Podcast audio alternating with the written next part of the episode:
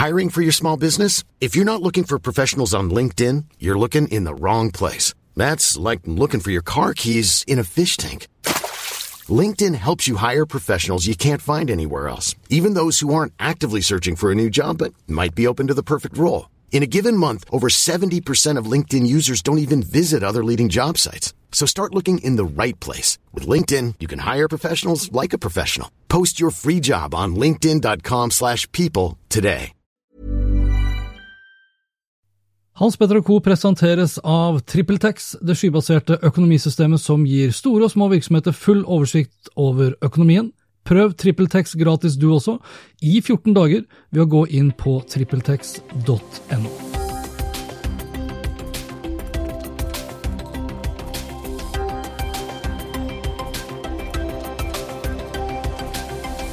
I denne episoden får du annet høre mer om at Aftenposten sin podkast Forklart blir beskyldt for å låne bort merkevaren til Equinor. Microsoft har designet en bot som kan bli brukt til å spre falske nyheter, og det ser stadig mørkere ut for Facebook sin kryptovaluta.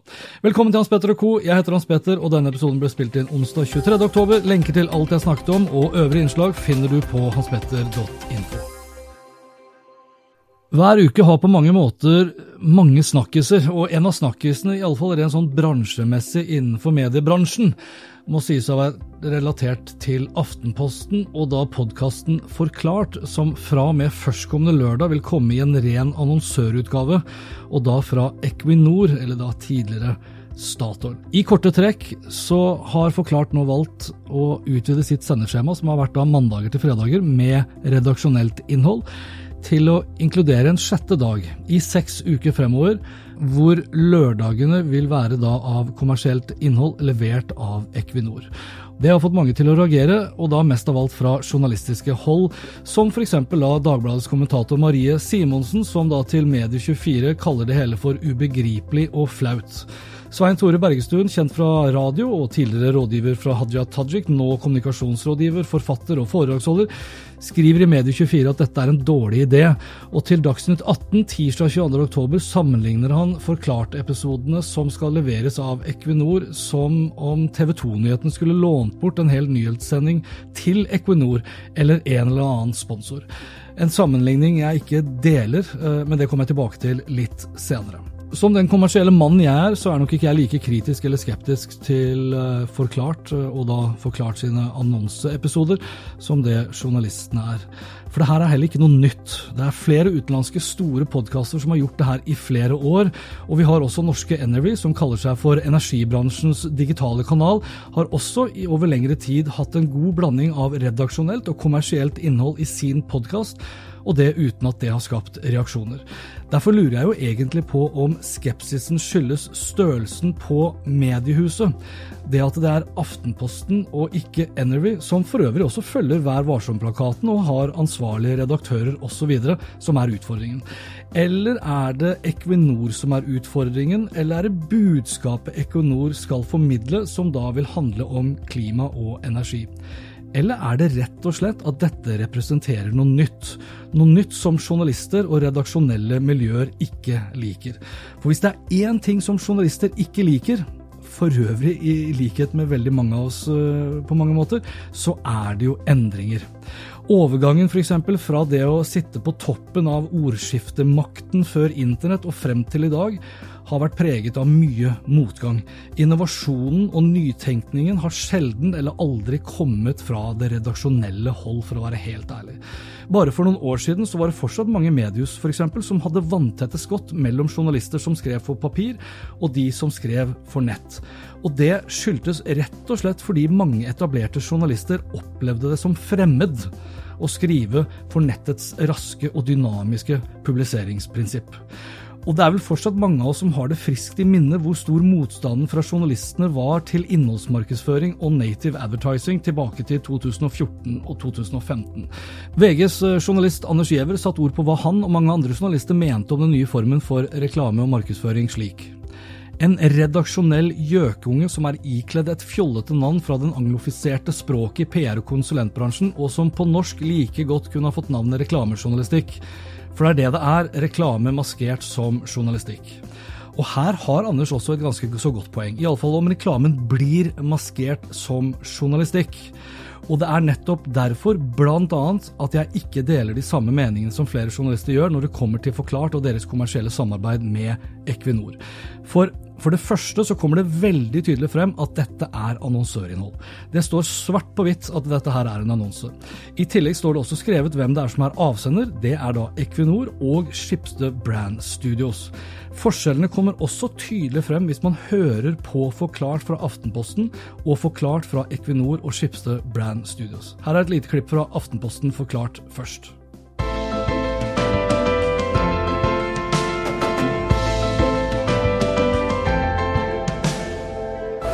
So the eyes have it. The eyes have it. Heller ikke denne gangen klarte britiske politikere å sette et punktum for brexit. Since I became Prime Minister, I've said we must get on and get Brexit. Statsminister Boris Johnson har lovet at Storbritannia skal ut av EU den 31. Og så kan du høre på et lite klipp fra forklart annonsørinnhold fra Equinor. Dette innslaget er annonsørinnhold fra Equinor. Den store felles oppgaver i vår tid, det er å løse klimautfordringene. Men hvordan skal det egentlig skje? Verdens energibehov er jo stort, men klimaendringene de krever at vi kutter utslipp. Så hvordan skal overgangen til et lavutslipp Ikke bare er teksten annerledes, men vignettmusikken er også helt forskjellig. Og det samme gjelder programlederne. Aftenposten har ikke lånt bort stemmen til journalist Andreas Bakke Foss til de kommersielle episodene. Det de har lånt bort derimot, er publikummet som forklart har opparbeidet seg siden starten for ganske nøyaktig ett år siden. Ti millioner nedlastninger senere så vil Skipsted og Aftenposten antagelig se om det er riktig tidspunkt å eksperimentere med potensielt nye inntektsstrømmer. Og det syns jeg er helt riktig av dem å gjøre. I tillegg så har også Forklart lånt bort publikummet sitt til en dag i uken de ellers ikke har lagt ut noen av sine ordinære episoder. Og det er ikke det samme som om TV 2-nyhetene hadde solgt 2100-sendingen sin på onsdager i seks uker fremover til Equinor. Måten Aftenposten har lagt opp forklart annonsørinnhold er egentlig så ryddig som det kan bli. Mange av de andre podkastene i både inn- og utland har vekslet mellom redaksjonelle og kommersielle episoder i sitt ordinære sendeskjema. Og det ser jeg heller egentlig ikke på som et problem, så lenge det kommer klart og tydelig frem, slik som også Energy gjør her. Du lytter til energibransjens temapodkast. Denne episoden er produsert av ABB og inneholder produktplassering. Velkommen til Smartprat, en podkast fra ABB. Temaet i denne episoden er elbil og hurtiglader. Det du hørte her da var en kommersiell episode over Energy sin podkast mot Energy sitt publikum, men da levert av ABB. Og Her kan du høre et lite klipp fra en redaksjonell episode fra den samme podkasten. Vi er til stede på Norges energidager og en, en, konferanse som samler nesten 500 deltakere fra energibransjen. Og Her gjør vi en live podkast. Jeg heter Skjul Kristian Aamodt, er gründer og administrerende direktør i Energy. Og med meg på scenen nå så har vi Kjetil Lund, vassdrags- og energidirektør, og Mathias Goldman, som er Chief Sustainability Officer i Sveko. Velkommen. Takk. Tusen takk. Energibransjens ukeslutt presenteres av ledige stillinger på NOE.no. For Også her er musikken og stemmene helt forskjellige fra det kommersielle til det redaksjonelle. Og de som hørte godt etter, fikk også med seg en liten annonse i den ordinære episoden, for det er selvsagt ikke slik at det er kun én måte å tjene penger på en podkast. Egne native-episoder, slik som forklart annonsørinnhold, er én måte å gjøre det på. Dernest kan man f.eks. tenke på sponsorplakater eller pre-, mid- og post-roll-annonser inn som da andre typiske produkter, slik f.eks. tilfellet er med min egen podkast, hvor podkasten presenteres av trippeltekst innledningsvis og avslutningsvis, i tillegg til at jeg har hatt en liten periode her nå, annonse da for check-in, sånn halvveis typisk inn i en episode. I tillegg så har man også muligheter til å tilby podkaster som et abonnement, men så lenge det fortsatt er Apple som er den store podkastspilleren der ute, og at Apple ikke har tenkt på podkast slik de tenker på alt fra bøker, musikk, TV-serier, filmer og apper, så blir løsningen for mange å tenke i retning av en eller annen form for annonsering. Og da blir jo spørsmålet hvordan publikummet til Forklart vil reagere. Noen signaler vil jeg anta vil dukke opp i løpet av førstkommende helg, og ikke minst i de neste dagene etter den første episoden. Og det vil overraske meg stort om ikke Medie24 vil være på de samme journalistene, og sikkert flere også, for å lage nye saker om skeptiske journalister som mener at Forklart har solgt tilliten sin til vår norske oljegigant. Jeg tror det viktige her, utover at Aftenposten er tydelig på hva som er hva, at innholdet også er godt nyansert og reflektert. Jeg er personlig ganske lei av den sannheten, hvis du vil, om at det kun er journalistikken som er sannferdig, som er fri, uavhengig og objektivt. Det er fullt mulig, selv om man driver et kommersielt selskap, at man klarer å være nyansert, reflektert og sannferdig. Og det er ingen tvil om at det vil også være til det beste for Equinor. Samtidig så skal vi heller ikke glemme at det her ikke er første gangen Aftenposten og Equinor gjør tilsvarende nye fremstøt, hvor de eksperimenterer med nye annonseprodukter og formater. Det er kanskje noen som husker for en tre års tid tilbake, da Aftenposten lot Equinor, eller da Statoil, få lov til å reklamere for dem via Aftenpostens egen Facebook-side. Da handlet det også om miljøet og kloden vår i det da som het Når gode råd er unge. Da ble Aftenposten beskyldt bl.a. for å bidra til grønnvasking av Statoil, og det var det da Natur og Ungdom som mente. Den gang var også innholdet merket med annonsørinnhold, og her vil jeg legge til at selve teksten annonsørinnhold var alt annet enn god. Den var liten, den var grå, og den var på en svart bakgrunn og ble plassert på en måte som gjorde det veldig enkelt å overse. Samtidig var jo merkingen for så vidt mye bedre enn da Aftenpostens egne journalister skrev saker om den store fotballkampen mellom Norge og Brasil på Ullevål for kort tid siden, som da Aftenposten arrangerte og som avisens journalister solgte billetter til. Skillet mellom forklart og forklart annonsørinnhold er også fryktelig mye bedre og tydelig merket enn når f.eks. Aftenpodden-redaksjoner selger billetter til sine egne liveshow, eller når TV 2-nyhetene reklamerer i sine nyhetssendinger for sine egne underholdningsprogrammer. Til syvende og sist så synes jeg det er helt riktig Aftenposten å skifte og teste ut nye måter å skape inntekter på. I dagens flermediale hverdag har det aldri vært viktigere å eksperimentere enn nå. Det har aldri vært viktigere å være nysgjerrig enn i dag. Og jeg våger ikke å tenke på hvordan det hadde stått til med dagens mediehus om alt av valg og veivalg hadde vært overlatt til journalister og redaktører. Samtidig skal jeg heller ikke undergrave viktigheten av den frie, uavhengige og objektive pressen, som er avhengig av din og min tillit. En tillit jeg egentlig egentlig føler er voksne og ikke fallende, som enkelte andre kan påstå. Voksne i den grad at vi nordmenn ligger i verdenstoppen når det kommer bl.a. til det å være villig til å betale for å lese nyheter. Og det velger jeg å se på som et godt tegn på en bransje som gjør mye riktig og mye bra. Viser det seg så at forklart annonsørinnhold på lørdager blir en flopp, så tipper jeg de uansett kommer til å ta lærdom av det.